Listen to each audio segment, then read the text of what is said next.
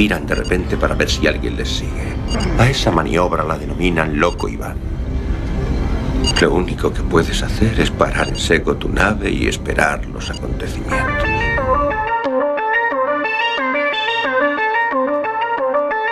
Yamasphere 347 of Space Patrol calling unidentified ship. They're not answering.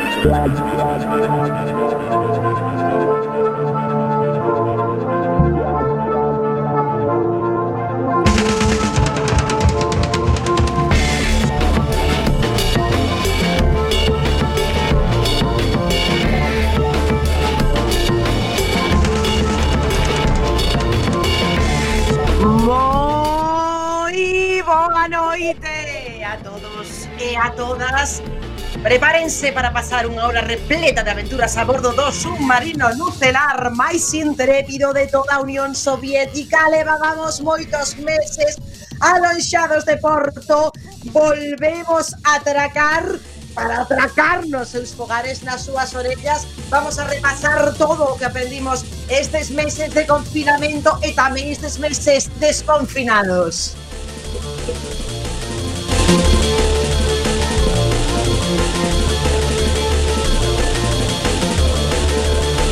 glorioso mes revolucionario, o mes de outubro, onde xa xa, xa xa saben que este programa non sería posible se non tiveramos ao señor Bugalov na sala de máquinas. Se non tiveramos, como sempre, sacando brillo os torpedos a o camarada Lamelov, moi boa noite. Boa noite, camarada, canto tempo canto tempo, pero nunca o tempo suficiente para botarme de menos. Senón tiveramos tamén, por suposto, a, a miña segunda de a bordo, a, a malvada Beosca. Encantada de volver a estar con todos os nosos camaradas, e incluso coa capitán. Incluso e sobre todo conmigo, por suposto, tamén temos na biblioteca ao noso moderno intelectual máis querido, da que sexa un hipster e un rancier, o noso querido Tovarixes Mendrellev. Moi boa noite. Boa noite a todas e a todos. E por suposto, tamén a Valentina Terescova, boa noite. Nunca te aprenderás o meu nome, son a bolseira. No Non Estou Alcira, ignorada deste batiscafo. Estaba pensando agora mesmo cal era o seu nome, pero a ver, Xa me pareceu. Eh, eh, onde se traballou ben coas persoas de práctica? Son de ningún sitio, pois xa está. Pois como se quere chamar vostede? Como se chama? Eu era a camarada Mirova, pero bueno, pois xa está, outra subalterna calquera. bueno, saúdamos a grande e inigualable capitana. EU. Vamos a la loco Iván, comenzamos. Space Patrol calling unidentified ship. They're not answering.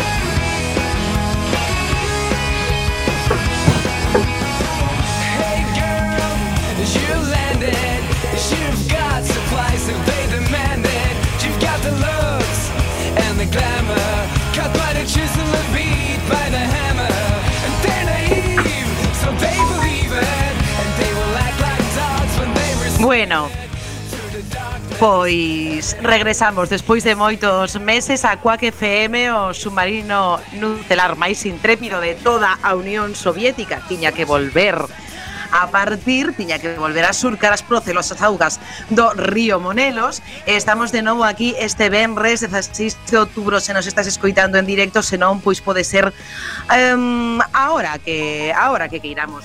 Eh, xa sabedes que por culpa do, do COVID eh, no noso centro de mandos especial que ven sendo eh, coa que pois algunhas das persoas que participamos nesta radio comunitaria que temos no dereito a comunicar, algunhas das persoas estamos indo ao estudio, outras nos estamos quedando, estamos facendo pois dende os nosos batiscafos particulares. Isto é o que estamos facendo Esta noite as compañeiras e os compañeiros do Loco Iván, así que xa sabedes que se temos algúns pequenos problemas de axuste no submarino, pois é todo culpa da fucking pandemia, así que non vos preocupedes. Bueno, eh, que podemos facer a esta hora, ás 10 e 6 da noite, dicíamos ao iniciar o programa, a iniciar a nosa singladura hoxe no Loco Iván, que íbamos a falar das cousas das cousas que aprendemos neste tempo no que estivemos separados e separadas, pois as cousas que aprendemos eh, en Netflix, en HBO, en Prime, en toda a merda eh, que pagamos e, por suposto, tamén nos libros, no cine, na ciencia ficción. Vamos a facer un repaso e, por suposto, comezamos co noso intelectual moderno quizáis a veces un pouco moderno de merda, pero o nos intelectual, os señores Mendrellev. Boa noite de novo, camarada. Boa noite, capitana. Un placer volver a estar con todas e todos aquí no, no programa, dando caño ao capitalismo. Pois, Efectivamente. Podería decir, tivemos tanto tempo que un deulle tempo a curiosear e ler un montón de cousas. Pero, sen embargo, a min, eh, se tivera que destacar algo, polo que me deu este verán é por ler xénero noir, negro, hardboiled, detectivesco. Pois este tipo de, de novelas que influen diversos tipos de, de detectives e tamén un pouco de, como sabe vostede, capitana, que eu son un tanto rancio, de volver un pouco un pouco para atrás, un, un moito para atrás, un como hasta o, ti, o ano 81 para atrás. Bueno, pareceme pouco no seu caso, eh? Sí, bueno, a verdade é que sí eh, comparativamente a outras ocasións, non que tanto. Pero quería, quería lembrar aquí eh, unha serie que seguro lembramos todos cando éramos capaces, que é eh, Sherlock Holmes. Home, claro. Vostede nunca foi rapaz, camarada. Bueno, tamén é certo, pero... bueno, pero igualmente, igualmente, un pode non ser capaz de disfrutar desta serie, que foi unha cousa das que fixen eu este, este verán, non? Comentaron a serie de cousas, algúns xa saberán que esa serie ou pensarán que esa serie é de Miyazaki, eso é certo só hasta certo punto, non? Porque os seis primeiros episodios dun total de 26 foron feitos efectivamente dirixidos por Hayao Miyazaki, pero o resto fixos pois outro señor xaponés, eh, co cal pois archienemigo do, do camarada Lamelov. Kyosuke Catarino de dicir. Me curilla. Entón, ah, isto que foi basicamente o que sucedeu. Os primeiros seis episodios saíron no ano 1984. Eh, perdón, 1981. Logo no 1974 continuou a serie. Por qué? Porque cando estaban emitidos os seis primeiros, contestou a familia Doyle, que logo volveremos a falar deles, porque esta serie sigue chupando do bote do bisabó, non? dos delitos de, de autor do famoso detective Sherlock Holmes, e como houve unha serie de protestas, tuveron que suspender a serie hasta que se acansaron. De feito, desos seis primeiros cative, eh, desos eh, seis primeiros ca, capítulos, eh, tiveron mesmo que cambiar non ves? Non sei se vos lembrades que prácticamente eran todos cans na serie, non? Sí, que, bueno, menos o propio Holmes, que era un raposo, e Moriarty, pois, que era, que era un lobo, non? Pois eh, tiveron que cambiar cousas, eh, basicamente, tiveron que coller, utilizar outros nomes, por exemplo, a señora Hudson eh, pasou a ser a señorita Ellison, eh, tamén lle cambiaron o nome ao de Moriarty, basicamente pois por estas por estas protestas que tiveron por parte da por parte da familia, non? É un pouco extraño, ¿no? Quero dicir, eh, tes, tes un problema, a familia Doyle ten un problema e o problema non é que o prota se chame Sherlock, o problema é que a mm, ama de Chaves hai que cambiarlle o nome, que non, non entendo nada, é como unha rabieta, ¿no? Eh, a ver, que son un pouco así, eh? agora sacaron outra película tamén holmiana da, da que falarei un pouco des, despois, non? Pero eh, e volveu a pasar o mesmo. Mira, de feito, houve dous episodios desos primeiros seis que se emitiron eh, con Nausica do eh, do Val do Vento Xeado, que foron os episodios do Carbunco Azul e o Tesouro Baixo Mar, que se non me trabuco son o 4 e o, e o 5, pois que puxéronnos como se fora unha película de cine independiente e tiveron que cambiarlle os nomes e mesmo aparecía unha mensaxe que decía textualmente antes de comenzar a emisión esta película non ten nada que ver co Sherlock Holmes de Conan Doyle. Esa está e así pois salvaron a salvaron os dereitos, non? Cando se arreglaron un pouco despois, eh, poideron continuar ca serie, entón este outro xaponés, Kiyosuke Mikurilla, foi quen por fin Mikurilla. eh, de poder completar a de poder completar a serie. Non, eh, hai que comentar que a este respecto acaban de estrenar unha película, non sei se vos sona, Enola Holmes. Mm. De Netflix con Eleven, non? Que a, a protagonista non a vin todavía. Non me chamaba moito a atención, a verdad. Eh, non, no, sí, xa, vi, xa vimos. Uh -huh. Xa víxedes, que é que eu non a vi. entón non vou opinar sobre ela. Estou ah, ah bueno, está ben, está ben que traías aquí eh, para comentar cousas non vistas. Eh, correcto, é correcto, eh, a audiencia esperaba. Eh, pero non ben, ten moito, a pero... verdade. Non ten, non ten moito, non? Non, a ver, a entretida, non sei, é, é o que eu chamaría unha película para planchar, para pasar o ferro, porque non dá para moito mal. E cando non tes nin ferro? eh, mellor pon outra cousa. A ver, o tema, é, o tema é a maior gloria de Miley Bobby Brown, que é, a, que é Eleven, non? É actriz, que ademais, ademais é produtora da peli. Non sei que...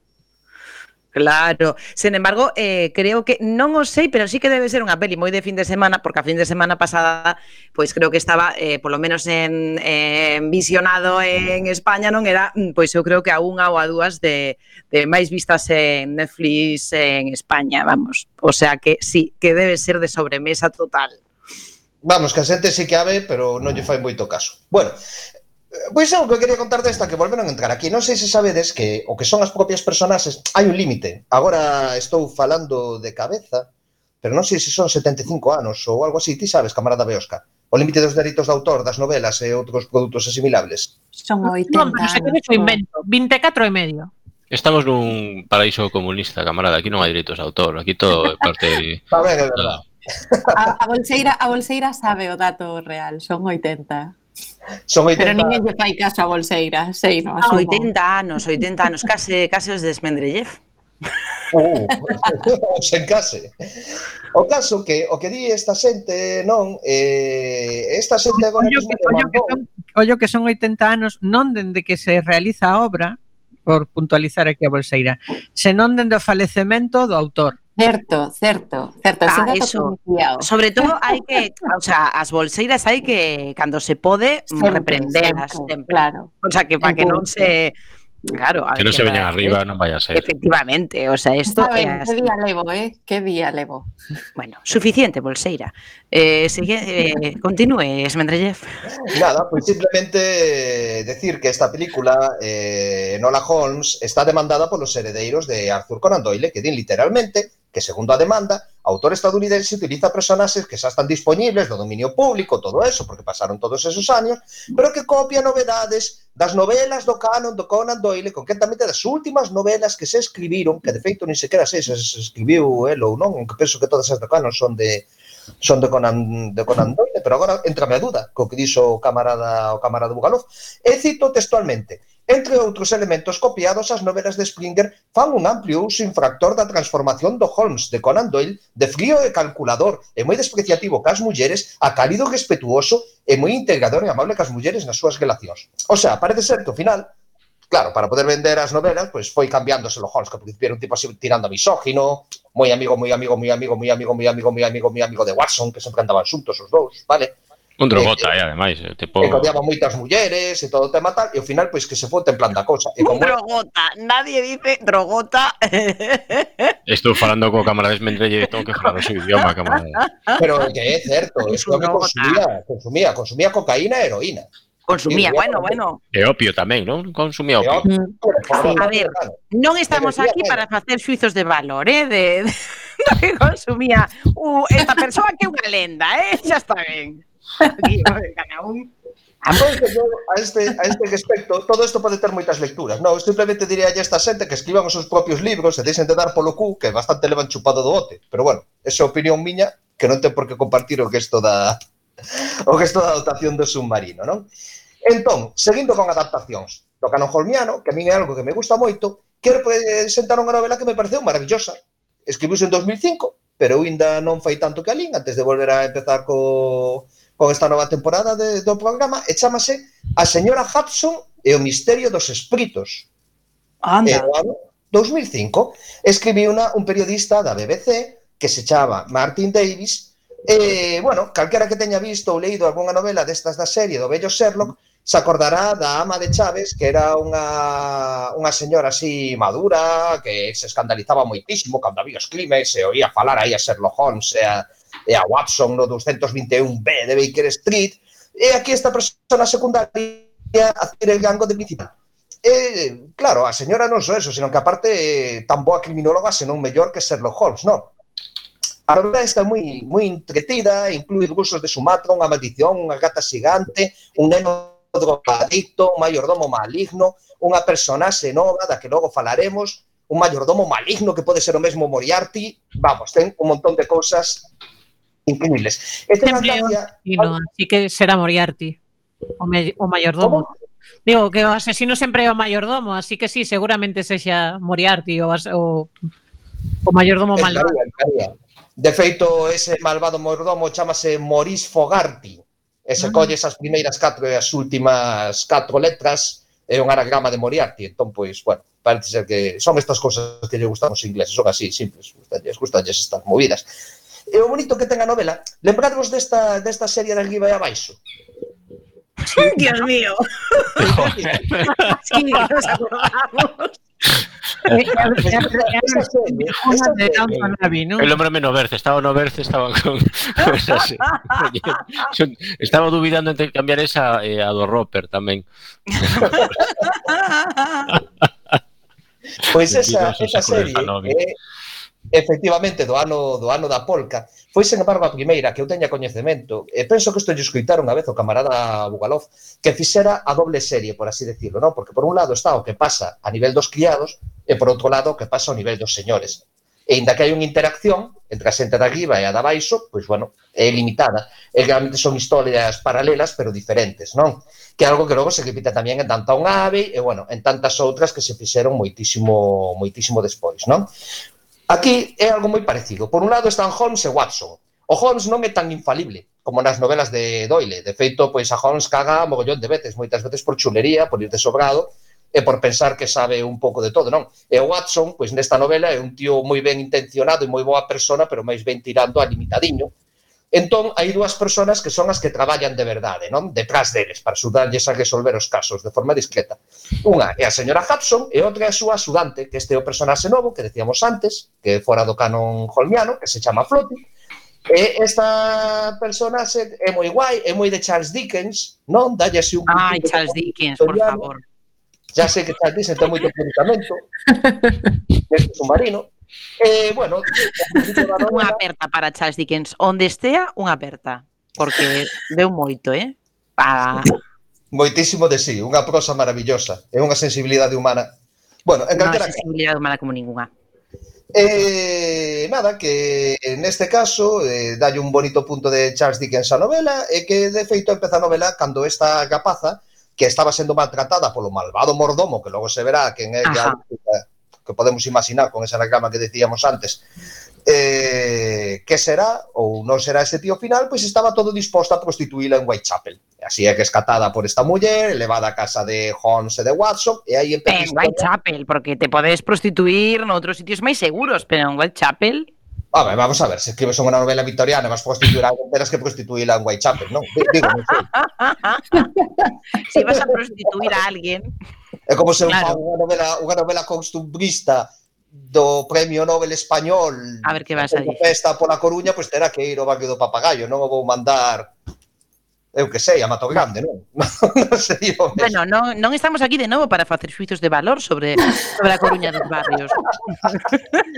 menos sobre Mato Grande. No, no. e para que matar co tema de Sherlock Holmes. Ay, que... eh, por que comentei agora esta novela despois de falar da antiga serie de busos animados. Miyazaki ten unha serie de cosas, Miyazaki será dos estudios Ghibli. Unha cousa maravillosa que que mesmo en series que son moi bellas, estamos falando de esta que se arrancou no, no 81, non?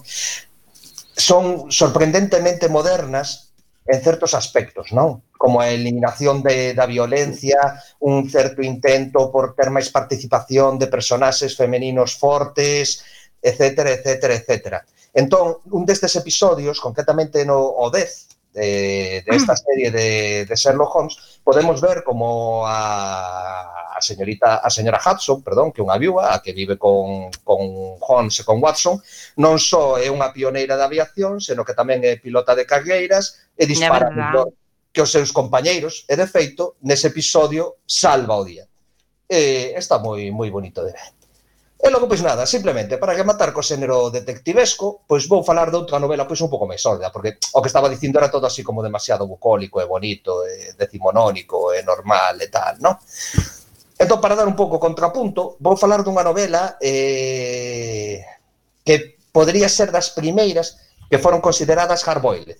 Dentro da novela negra, pois está un subxénero que se, se denomina normalmente como hardboiled, que é aquel que pasa a ser algo máis escuro, non? máis complicado que, que o que se facía antes, desde logo a anos luz do que se facía da novela detectivista vitoriana, onde sole haber aspectos moi sórdidos, Garavez acaba ben, normalmente son antihéroes máis que máis que heroes os, os protagonistas, non? En este caso vou falar de O último bo beso, que foi escrita en O último bo bico, que digo Jesús, que foi escrita en 1976 por James Crumley e que empeza a serie dun detective, Sugru, un exoficial do exército, alcohólico e moi mullereiro, que representa o arquetipo de investigador privado da América, que a partir da, da guerra de Vietnam empeza a aparecer neste tipo de, de novelas, non? Un tipo amistoso, sen escrúpulos, bogacho perdido, que nesta novela, mentre traballa nun bar de toples de Montana, encargan a topar eh, eh, a unha rapaza, Betty Sue, e termina atopándose pois con outros personaxes, non? Un escritor eh, que xa está a punto de, de perder toda a súa fama, que é outro bocacho perdido, un can bulldog que vai con eles. Hai que dizer que esta novela ten un tanto de maltrato animal, porque claro, como estes todos son uns bocachos, o can para que non marche do coche, tanlle todo o gato dando cervexa e acaba o pobo que tan alcohólico como eles. En fin. Ai. Que historia tan bonita. Sí, o último bobico, Charles Dickens, non? O último bobico. Porque wow. en plan Oliver Twist, pero canino, ¿no? Ay, Mira, no me gusta esto, ¿eh? Esa novela, recomendo ya todo o que o que lle guste hasta certo punto este xénero negro, especialmente o hardboiled. Como a descubrín, que é un punto tamén friki que quería comentar, pois porque estaba lendo os cómics do Sweet Red, que son outras cousas, tamén así, outra destas cousas super gancias que a mí me gusta ler.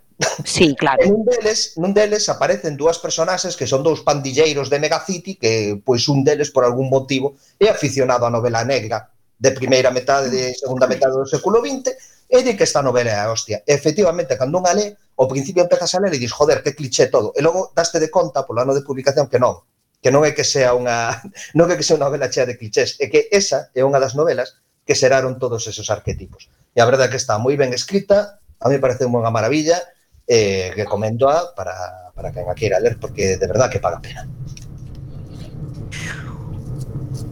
Eh, oye, pois moi interesante, moi interesante todo Esmendrellez, por certo. Vou comentar, eh, non sei, eu creo que algunha vez xa falamos aquí, pero xa que estábamos falando un pouco de, pois case de, bueno, de novela negra. Vou falar dunha, de unha serie policíaca que vin eh, tamén este, estos meses de, de asueto, que seguramente moito xa coñecedes, porque xa é do ano 2015, do 2015, que é Aquarius, eh, que de David Duchovny, eh, o, de, o de Expediente X, entón, vamos, é necesarísimo eh, ver a ese home, eh, que sale moitísimo sen, sen camisa, eh, está está está moi ben a pesar da súa idade.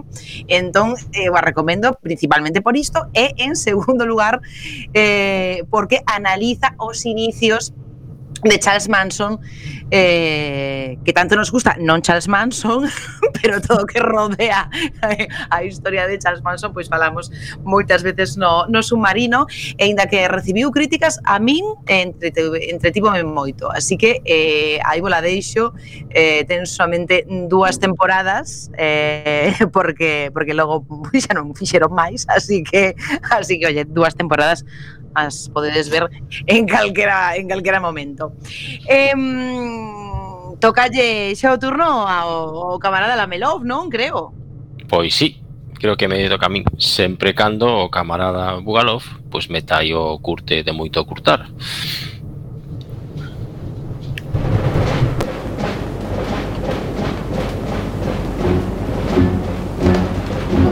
Okay. Bueno, este non era, pero da igual. Pero que bonito, que bonito. Que bonito, que bonito só aí o oino, oino, digamos, o exército vermello cantando aí cancións dos países. Bueno, pois non hai, pero cambio de, de tercio sí que non hai eh, problema. Bueno, entre... Que ben, que ben sobe, ¿eh? non me digas.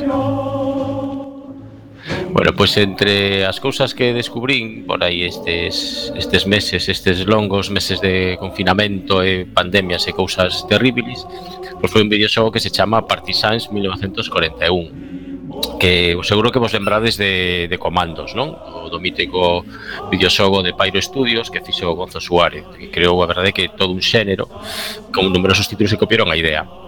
Pois Partisans 1941 eh, vai na mesma liña, pero é un vídeo soviético que desenvolveu Alter Games e distribuiu eh, Daedalic ante Daedalic Entertainment. Acaba de sair o pasado día 14, o sea que no viño, no viño, ainda está fomeante. Estás gritando algo moi extraño de fondo. Pois... Non sei que estades facendo. Este está o himno, o himno aí do canción do Partizan, creo. bueno, pois, bueno. Sí. o sea, a ver que andarán facendo por aí algún que Bueno, pois eh, este videoxogo está ambientado na fronte do leste da Segunda Guerra Mundial. E está focalizado na heroica actuación dos partisans da na retaguardia nazi.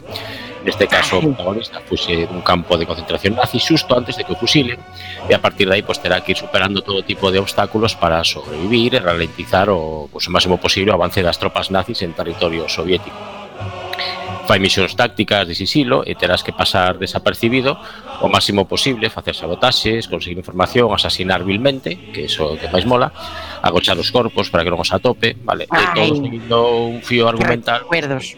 Pois sí, efectivamente. Bueno, o fío argumental ten moitas referencias históricas reais que tamén está bastante ben está moi ben feito, a verdade, e ten o atractivo ese pois de tocar un tema que nos afecta directamente, vale? Claro non é nada doado, a verdade que é un xogo que hai que pensar moito, é bastante recomendable para, para os longos días de, de pandemia. Entón, a ver se o camarada pode solventar o do corte, se non seguimos coa, coa musiquiña do... se non continuaremos, por se non estades acostumados a este tipo de música, pois... Under the sky. Este sí que Ben, pois este sería... Bueno, no, tampouco hai, pero... A ver, a música vai de, de mal en peor, pero Pero bueno. o camarada Bugalov está aí bastante drogado no penso que no, na sala de máquinas supoño que será por os estudios da radiación bueno, bueno. pero máis que nada eh De que, vostede que estaba dicindo? Vostede re, re, retome... Xa non sei do que, do que estaba falando. Se, se, se da igual. Bueno, imos... Eh, estaba falando de, do Partisans, imos falar de outro videoxogo que se chama, pois, Barotrauma. Tamén está en desenvolvemento, pero aínda se pode xogar porque está en acceso anticipado, xa sabes, que pagas por, por xogar antes de tempo, non? Sabedes que, sen dúbida que sabedes que o dano físico causado aos tecidos do corpo por unha diferencia de presión entre o exterior e o interior do gas ou líquido que rodea chamase barotrauma. Eso. Así Hombre, que podes imaginar... O barotrauma de toda a vida. Bueno, pues, o barotrauma. Eh, é un videoxogo que está ambientado nun submarino que navega polos mares dun planeta remoto E no vídeo xogo que tens que facer pois é eh, manexar a tripulación, cada xogador manexa a tripulación e ten pois que eso, reparar emerxencias do que xurdan no submarino, e eh, tentar que non que non morra ninguén, ninguén, pero ainda tamén pode facer sabotaxes para fastidiar o resto da tripulación. Eh, nese caso pois sería un pouco absurdo porque morrería todo o mundo, claro, pero eh, digamos que o que mole a satisfacción de que morra todo o mundo, ainda que tamén morras, pero solo por fastidiar, vale? que o que o que motiva realmente as cousas. A verdade que está moi moi ben feito, eh, sobre todo porque podes xogar así multi, en multixogador, e ten moitísimas cousas por facer é unha especie de, de mestura aí de Faster Than Light e, e bueno, xogos así pois, tipo Ringwall estes, vale? entón pasamos ao seguinte que xa non sei que vais a ir por aí pero pode soar calquera cousa a ver, a ver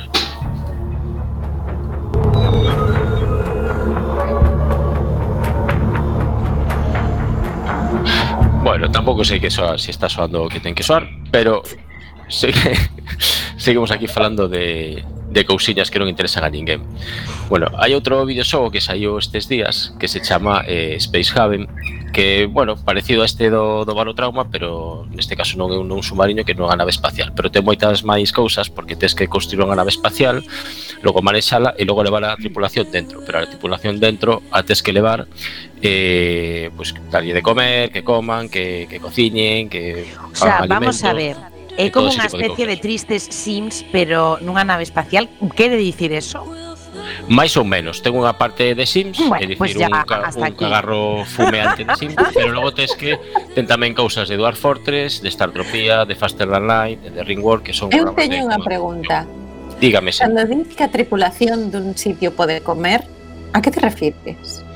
O sea, podese comer cando estás metido dentro dun, dunha nave? O sea, pero teño que falar co capitán aquí un momento. Teño pregunta. A ver, podese pero... comer. Podese sí, comer, comer eh, suficiente. Eh O sea, podes comer cando manda a capitana. Claro, claro. e para non morrer, o sea, non podes comer por vicio, vale, o sea, vale. Podes correr, comer no caso de que mm. esteas en plena inanición, xa a piques de, de pues eso, de palmar de fame, vale? Vale, vale, Ademais, vale, vale. Eh, eu é que fai moitos anos lin que para sobrevivir unha persoa só tiña, eh, o sea, podía sobrevivir cun número eh, moi reducido de gramos de xudías o día, eh, non me refiro a temas nazis de, de xudías verdes, eh, eu creo que con eso eh, pois podedes tirar perfectamente a tripulación. Claro, a ver, cantos días, cantos es, días estivo Fernán Bello en folga de fame? Pois esos son os días que podemos estar sen, sen comer, polo menos. Efectivamente. Claro. Bueno, pues este xogo, eso de na nave, na nave espacial, pois pues, tens que xestionar un montón de cousas, por exemplo, se a tripulación ten que comer, ten que plantar primeiro pois pues, nunhas invernaderos especiais, nunha sa, nunha sala especial para poder te, que, que, que cultivar as plantas, eh, ten que ter unha cociña para cociñar os alimentos, vale? Logo podes invadir outras naves, eh, ali atopas pois, outros bichos ou podes atopar tamén pois piratas cos que tes que, que combatir vale, e o rollo é que ao final na combinación de todas estas cousas pois fai que sexa moi moi complexo está moi ben tamén está en acceso anticipado e, e bueno, a pesar de, de complexo que é bastante bastante divertido A todo isto Ti, ti xogache xa? Sí, sí, xoguei bastante Ah, vaya, vaya, vaya Entón, quero entón, dicir, sí. como se entende dende o punto de vista comunista que vostede xogue en, en anticipado? Porque eu teño contactos que mm. en todos o pois te ben sabe que eu teño contactos na, na KGB, na NKVD entón digamos que ese tipo de contactos consiguen que eu eh, poda facer ofertas que, bueno, pues que digamos que non se negan a, a facilitarme ese tipo de, de xogos, non? De feito, unha ben. vez algún que, que se negou, se negou a facilitarme este xogo, e desapareceu misteriosamente, non sei por qué. Vale. sei que, que pasaría. Entón, bueno, supoño que eso terá, terá algo que ver. De todas formas vai ir a xuizo vostede. Pero bueno, pero eso eh, por inimigo do povo. Por, por enemigo do povo, claro que. Sí, pero vamos, que isto quero mm, que o teña en conta porque ademais eh, quero indicar que nesta nova tempada decidín que cada venres eh, vou acusar a un dos a un dos integrantes do submarino, eh, pois seguramente de revisionista. Así que, eh, bueno, pois teredes que traballar moito para que semanalmente eh, non recibades eh, unha dura reprimenda e posiblemente pois a final de tempada pois un de vos irá a algún gulag. O sea, que isto quería avisalo xa para que para que o vayades é xusto, é xusto conta. necesario. Eh, efectivamente, así que bueno, se non pasa, se non hai nada peor, seguramente vostede teña eh, este venres eh, un, un mini punto como como enemigo do pobo. Bueno, Solamente por isto, tempo. eh? Ainda estamos a tempo de casar algo peor. Bueno, pois pues outra cousiña do que, de que quería falar, a ver se, se entra xa o curte ben, e se non, pois pues xa pasamos de, de curte e todo, que claro. total, xa botados a perder. Bueno, pois pues hai, eh, sabedes que hai unha, unha obra eh, que, que Dune, vale, de, de literatura, e tamén hai unha película que fixo David Lynn pois, eh, nos anos 80, comezos dos anos 80, e que agora está Denis Villeneuve, que é pois, un dos meus directores favoritos, porque é o único que coñezo prácticamente, que está intentando facer unha nova unha nova versión vale? Eh, Denis Villeneuve dirixiu a chegada Blade Runner 2049 que a mí a verdade que gustarme moito as dúas sobre todo a de Blade Runner.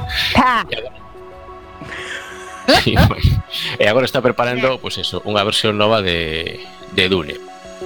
E, bueno, aparte ah. curioso porque tanto Blade Runner como Dune as orixinais tamén foron películas que no seu momento tiveron así críticas eh, bueno, pois por lo menos negativas ou había certa controversia, non? acabaron por co converterse en películas de culto, non? A de David Lynch tamén gustara menos un momento, tamén había xente que non lle molaba.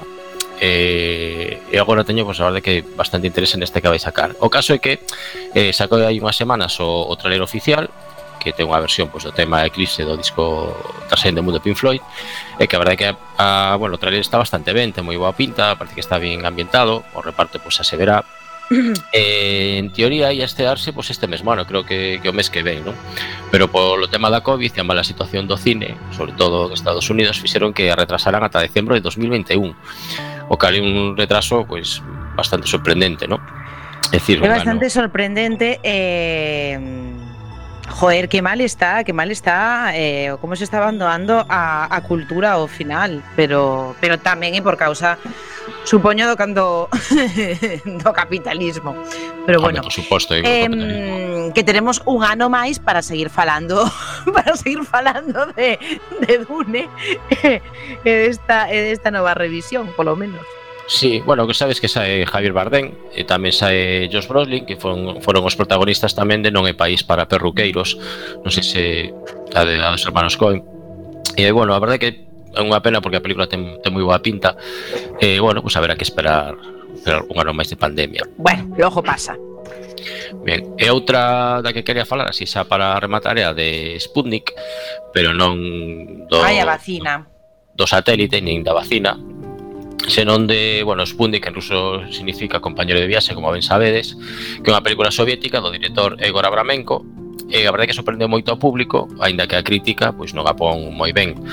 Pero bueno, a ver, a crítica non lle importa a ninguén, sobre todo a crítica de cine que, bueno, penso que é máis rancia que esmendrellece Mirova tomando xuntos unha contesa. Ai, que temos esta contesta.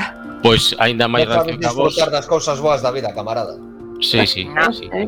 Bueno, pois aínda que, o sea, máis que a vos van disfrutar pois, os críticos que utilizan, xa sabes, frases típicas, pois o director revisita espacios comuns, é unha historia ecléctica, invita a reflexión, unha película moi fresca, catarsis, un exercicio de estilo, ou un mero efectista, espectáculo pirotécnico. Bueno, toda esa merda que son soltar os críticos que atufan a ranciedade. Eh, conta a historia dun cosmonauta soviético que pilla un parásito espacial cando está nunha misión a bordo nunha Soyuz e cando volve á Terra leva o parásito no corpo e a peli conta o que pasa cando metes un becho perigoso nun sitio onde vive xente que a ver, que non ten por que pasar nada malo non? bueno, pois pues a peli conta iso non? Metes un... Eu sempre tive moi curiosidade con isto porque sempre que ven un parásito do espacio ten que facer cousas da hostia non haberá un parásito espacial que dé o que sei, de dous días ou algo así Pois, claro. igual hai algún, igual hai algún. O que pasa que, a ver, facer un, unha peli dun parásito espacial que dea diarrea, claro, pois non se lle. Unha película o sea, diarrea.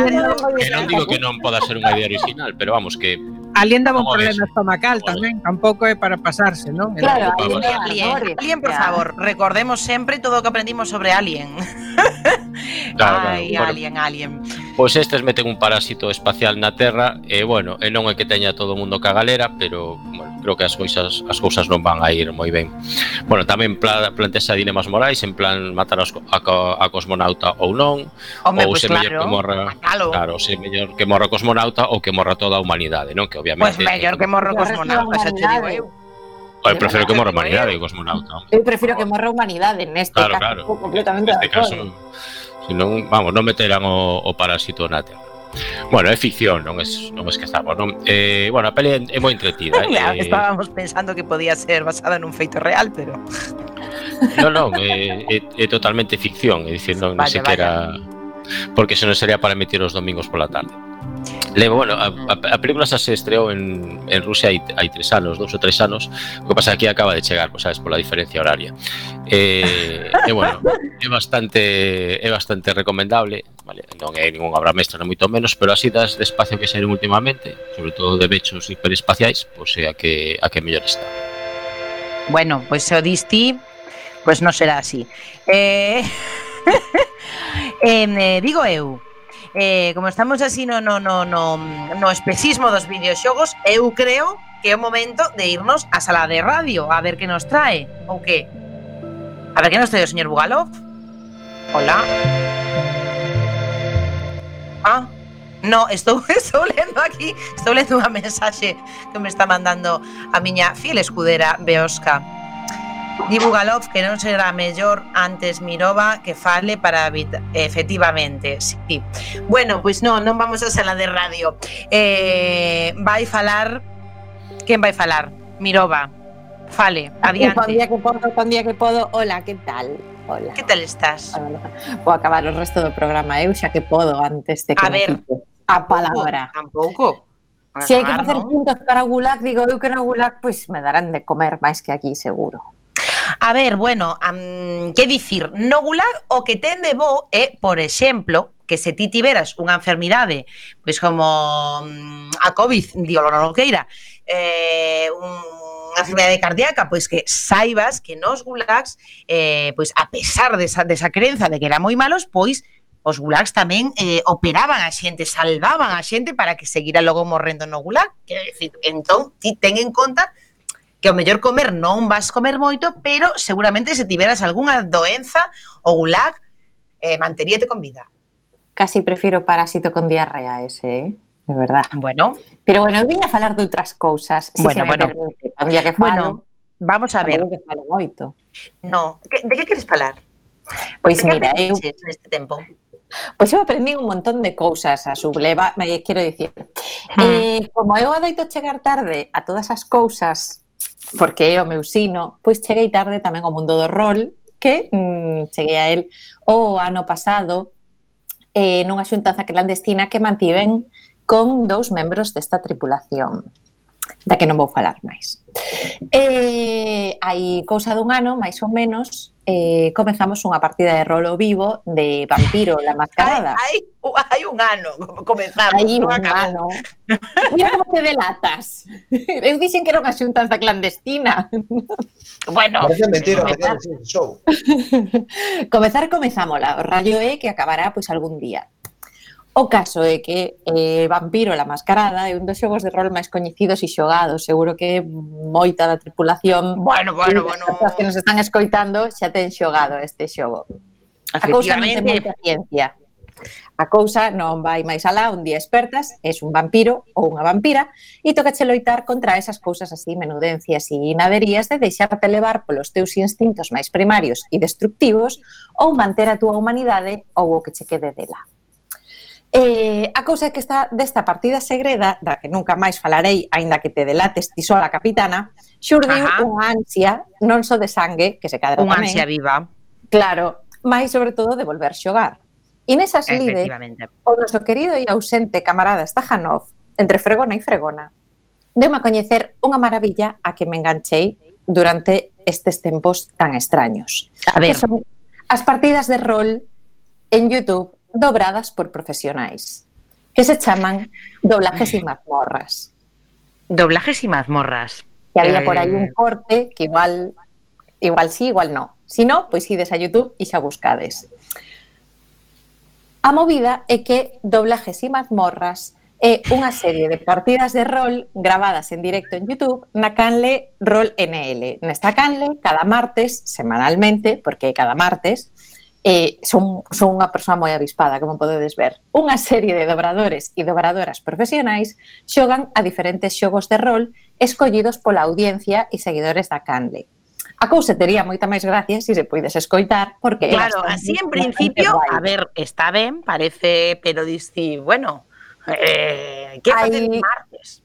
Pois... Claro, pois, claro, o bo, o bo de, de que estén colgadas en YouTube é que podes facer como a min, que eu non paso ferro, pero sí teño que, pois eu que sei, poñer lavadoras, e alimentar os gatos, e esas cousas que se fan aquí neste batiscafo que non fai nadie máis que a bolseira, por outra parte. Bueno, porque eh, soy o señor da bolseira. E mo podría de fondo... doblajes e mazmorras. Ai, se está escoitando. Somos un grupo de actores y actrices de doblaje que jugamos a rol semanalmente.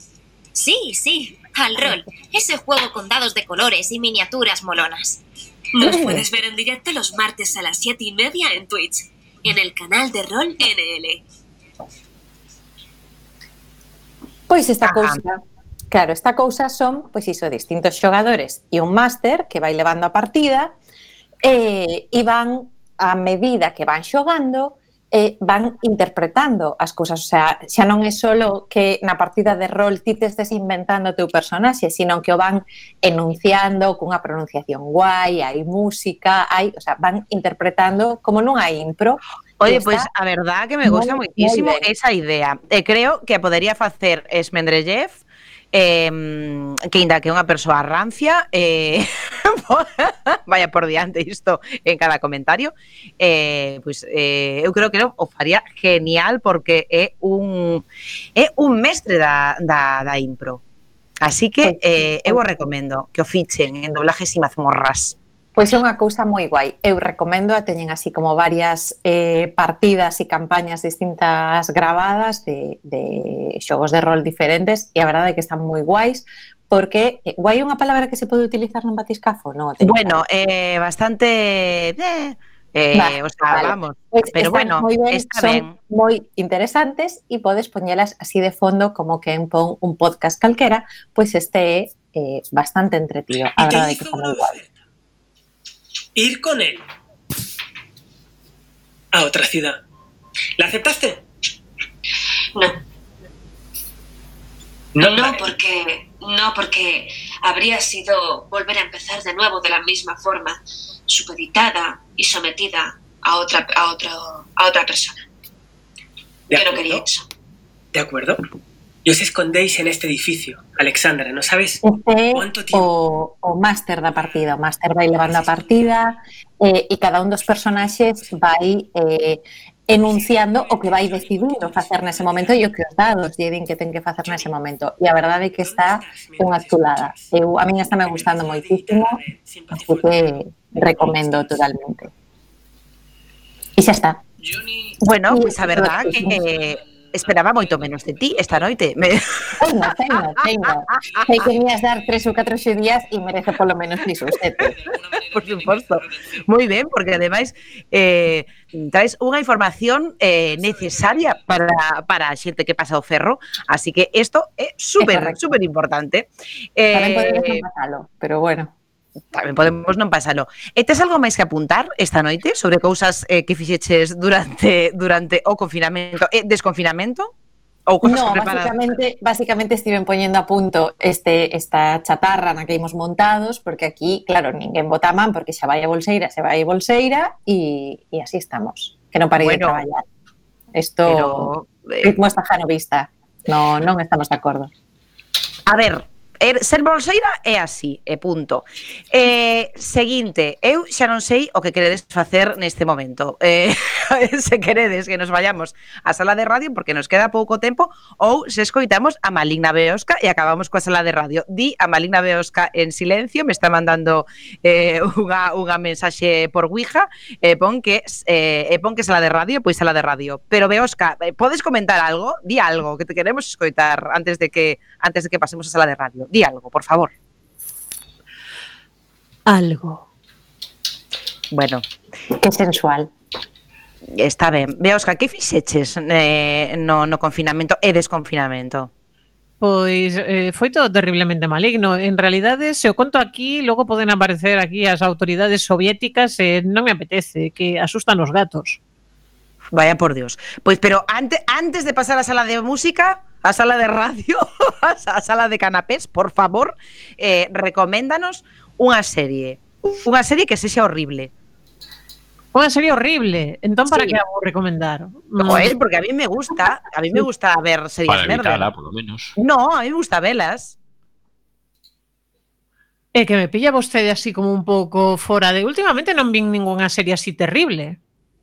E se Joder, ponemos a pois, sala de radio e penso un pouquiño, logo se tal a, a solto así no último segundo. parece ben, pois entramos na sala de radio. How does a bastard, orphan, son of a whore and a Scotsman? Hola. Home, Bugalov, que tal? Pois aquí, eu tamén na sala de radio o que me estive dedicando este verán e parte do outono é a, un musical, sobre todo. Un musical? Chama, sí, que se chama Hamilton, que é un documental biográfico de Alexander Hamilton, que foi eh, unha cousa tan pouco glamurosa como o primeiro secretario do Tesouro uh, eh, dos Estados Unidos. Non confundir con Luis Hamilton. Non confundir con Luis Hamilton, un señor que por certo que dicir que aínda agora odian os libertarianos, o cal eh, tan malo non sería. Eh, entre isto que era fillo ilegítimo e que ademais era inmigrante, pois claro, tenas todas o, o home este. O único dos pais fundadores da República que non morreu de vello porque o mataron nun duelo eh, a pistola nada menos que o vicepresidente de Estados Unidos. Que tal? O sea, ten historia, eh? o, ten, ten, ten miga. E con esa historia de base, un, o un compositor eh, porto, bueno, de trascendencia puertorriqueña que se chama Manuel Miranda fixe unha maravilla que comezaba así como, como escoitaban e que, e que leva ao paroxismo a técnica wagneriana do leitmotiv, vale? Eh, o leitmotiv é unha parte e peza uh, musical que sirve para evocar ben persoaxes, ben sentimentos. E comezaba a, a esta, esta sección precisamente con un truco que, que usa ese chan, chan, chan, chan, chan, chan en estacato que é para dicir, imos recapitular para facer algo. Non? Eh, Sí, vos vou poñer agora outro exemplo o, no que ides ver tamén a velocidade no que esta ópera hip hop se move. Ten o doble de letra que un musical convencional. Esta é a presentación de Lafayette, o, o, o soldado francés, o general francés que, que tanto pelexou na guerra de independencia norteamericana. Escoitade a velocidade de, de frase. How does a ragtag volunteer army in need of a shower somehow defeat a global superpower? How do we emerge victorious from the quagmire? leaving Eh, que battlefield, flow! breathing Betsy flag higher? Non dices nada Yo, ainda, eh? Turns out we have a secret weapon, an immigrant you know and love who's unafraid to step in. He's constantly confusing, confounding the British henchmen. Everyone give it up for America's favorite fighting Frenchman! I'm taking this horseman of reigns, making red coats weather with blood stains. And I'm never gonna drop, a burn them up and scatter the remains down. Watch me engaging them, escaping them, and rating them out. I go to France for more fun. I come mola, camarada, está muy bien. Ten un ritmazo, pero, pero para, por ejemplo, para uh, simular as liortas de gabinete uh, que eran moi sonadas entre Alexander Hamilton e Thomas Jefferson, uh, en un rollo así como que se tiñan muitísima pía, o que fan unha especie de pelexa de galos, non? Oh, como mola. E, um, o que introduce George Washington, nada menos. On the table. on the verge of war with England. Now, do we provide aid and troops to our French allies, or do we stay out of it? Remember, my decision on this matter is not subject to Este congressional. o brother eh, George eh, Washington. Defense is in. Secretary Jefferson, you have the floor, sir. When we were on death's door, when we were needy, we made a promise. We signed a treaty. We needed money and guns and half a chance. Uh, who provided those funds? France. In return, they didn't ask for land Only a promise that we'd lend a hand and stand with them if they fought against oppressors. And revolution is messy, but now is the time to stand. Stand with our brothers as they fight against tyranny. I know that Alexander Hamilton is here and he would rather not have this debate. I'll remind you that he is not Secretary of State. He knows nothing of loyalty. Smells like new money, dresses like fake royalty. Desperate to rise above his station. Everything he does betrays the ideals of our nation. Hey, and if you don't know, now you know, Mr. President. Thank you, Secretary Jefferson. Secretary Hamilton, your response. Come on, let's see it. I would love to hear it. You must be out of your goddamn mind if you think the president is gonna bring the nation to the brink of meddling Vaya, que é unha, unha auténtica xoia moi recomendable se pode ver a día de hoxe en Disney Plus, que en o teña, e senón, pois, bueno, hai vídeos soltos por aí, dicir que seguramente a xente lle chamará a atención que Jonathan Groff, que, que, que posoará de Mindhunters, o, o detective noviño de Mindhunter. Ai, por favor, me encanta. Hai de Xurxo III, o rei de Inglaterra. Está francamente, está francamente eh, moi ben, está espectacular. Bueno, eh, que moi recomendable, moi recomendable, moi moi recomendable, unha desas que fai, unha desas eh, desas musicais que fai época 11 Tommys, un eh, Grammy polo disco do musical e eh, un Pulitzer a mellor obra teatral de 2015. Aquí non chega porque, eh, claro, é complicadísimo de traducir, non se vai levar a outros idiomas con facilidade, non? É así, pero a verdade é que un pouco unha ida de olla, o sea, unha ópera hip hop con, con este tema. O sea, me parece eh, me parece que está moi guai, que moi arriesgado. É loquísimo. Loquísimo, loquísimo. Bueno, loquísimo como que estou facendo con... Bueno. Ay, por favor. Esa música melodiosa, ese, ese sonido. Pero sí que acabamos. Queridos, queridas,